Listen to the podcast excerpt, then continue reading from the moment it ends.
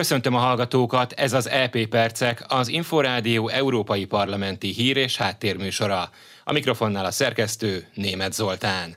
Tavaly tavasszal indították útjára, és most ért véget a konferencia Európa jövőjéről elnevezésű rendezvénysorozat. Kilenc nagy területen fogalmaztak meg elképzeléseket és elvárásokat, amelyeket végül egy nyilatkozat formájában át is nyújtottak a tagállamoknak. Összesen 49 témakörben 325 konkrét intézkedést javasoltak, amelyekkel összefüggésben az európai intézményeknek a következő hetekben, hónapokban reagálniuk kell. Az unió soros elnökségét ellátó Franciaország elnöke támogatja az Európai Parlament azon tervét, hogy felülvizsgálják a közösség szerződéseit, és legyen egy konvenció. Par son nom, cela l'indique coordination politique, Emmanuel Macron sajtótájékoztatón beszélt a politika összehangolásáról.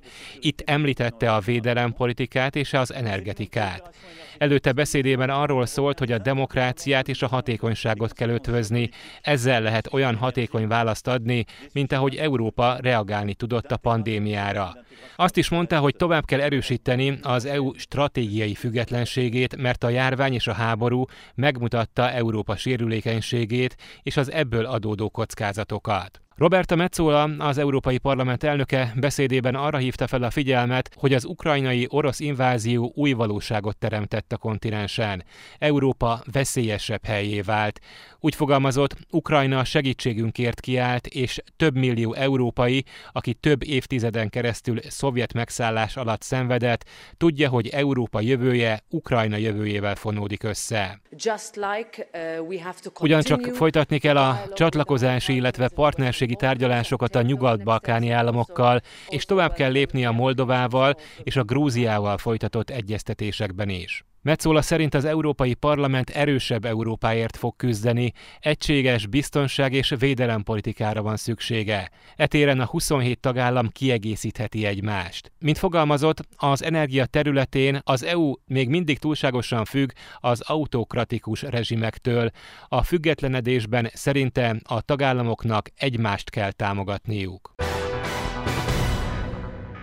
Az Európai Parlament a háború elől elmenekült nők és lányok védelmére, és arra szólította fel az Európai Uniót, valamint az összes befogadó és tranzitországot, hogy biztosítsák az erőszak áldozatául esett nők számára a sürgősségi fogamzásgátlást és a terhesség megszakítást. Ennek egyik módja, hogy az EU humanitárius csomagokban és konvojokban egészségügyi csomagokat, köztük fogamzásgátlókat és a szexuális, illetve reproduktív egészséghez szükséges termékeket küld Ukrajnába és a menekülteket fogadó szomszédos országokba, különösen oda, ahol a szexuális és reproduktív egészséggel, valamint jogokkal összefüggő nemzeti korlátozások leküzdésére van szükség.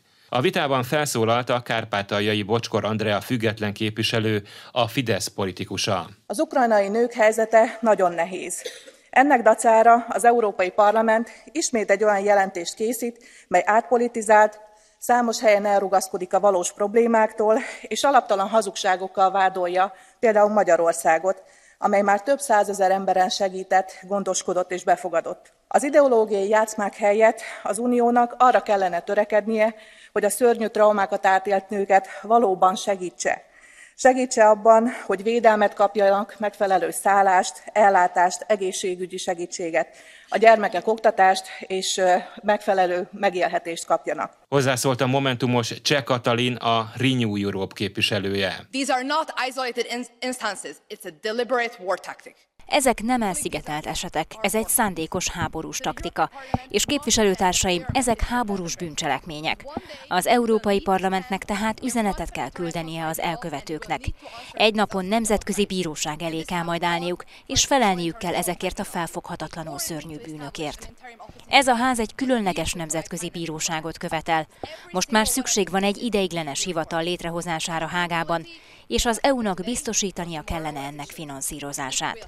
Mert minden egyes ilyen esetet fel kell jegyezni. Az állásfoglalás Magyarországot is kiemelte, mint ahol a sürgősségi fogamzásgátlás és a korai szakaszban elvégzett abortusz az Ukrajnából menekülő várandós nők számára különböző okokból komoly akadályba ütközik vagy elérhetetlen. Az Európai Parlament elfogadott állásfoglalásában üdvözölte, hogy az európai közlekedési és turisztikai ágazat segíti az ukrajnai háború elől menekülőket, valamint azt követelte, hogy Oroszország adja vissza az ellopott, azaz az átlajstromozott európai repülőgépeket. A vitában felszólalt a Fideszes Deli Andor független képviselő is. A fuvarozók helytállását nem csak szavakkal méltassuk, hanem mielőbb tegyünk is a helyzetük javítása érdekében. Ezért arra kérem a bizottságot, hogy sürgősen vizsgálják meg a mobilitási csomag már hatályba lépett, és amíg hatályba lépés előtt álló rendelkezéseit, ezek életszerűségét, betarthatóságát, és tegyen javaslatokat a körülmények javítására, mert az európai fuvarozóknak konkrét kézzelfogható segítségre van most szükségük. Az EP állásfoglalása kitér arra is, hogy az uniónak segítenie kell a tagállamoknak a kettős, azaz a katonai és a civil felhasználású infrastruktúra és az EU-n belüli közlekedési kapcsolatok fejlesztésében. A közlekedési infrastruktúra összeköttetéseit Moldovával, Georgiával és Ukrajnával is fejleszteni kellene, a transeurópai közlekedési hálózatot pedig Ukrajnára és Moldovára is ki kellene terjeszteni. Ez volt az EP Percek, műsorunk meghallgatható és letölthető a szolgáltatók podcast csatornáin, valamint az infostart.hu internetes portál podcastok felületéről.